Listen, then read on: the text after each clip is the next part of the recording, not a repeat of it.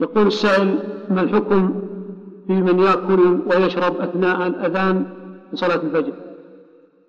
ينبغي الأولى أن يحتاط يبتعد عن الشبهة فإذا أكل أو شرب وهو يؤذن فلا يضر إذا كان لا يعلم طلوع الفجر لأن المؤذن يؤذن على التقويم وعلى الاحتياط وليس على العلم بطلوع الفجر.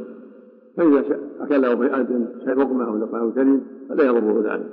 لكن الأحوط في ذلك أن يتقدم وأن ينتهي قبل قبل الأذان حتى يحتاط يصوم. سمعت الشيخ يقول السائل ما حكم من أكل ظانا أن الفجر لم يطلع ثم تبين له أنه طلع ومن أكل ظانا أن الشمس غربت ثم تبين له أنها لم تغرب من علم أنه أكل بعد الفجر أو قبل غروب الشمس يقضي هذا الذي يعرفه الله العلم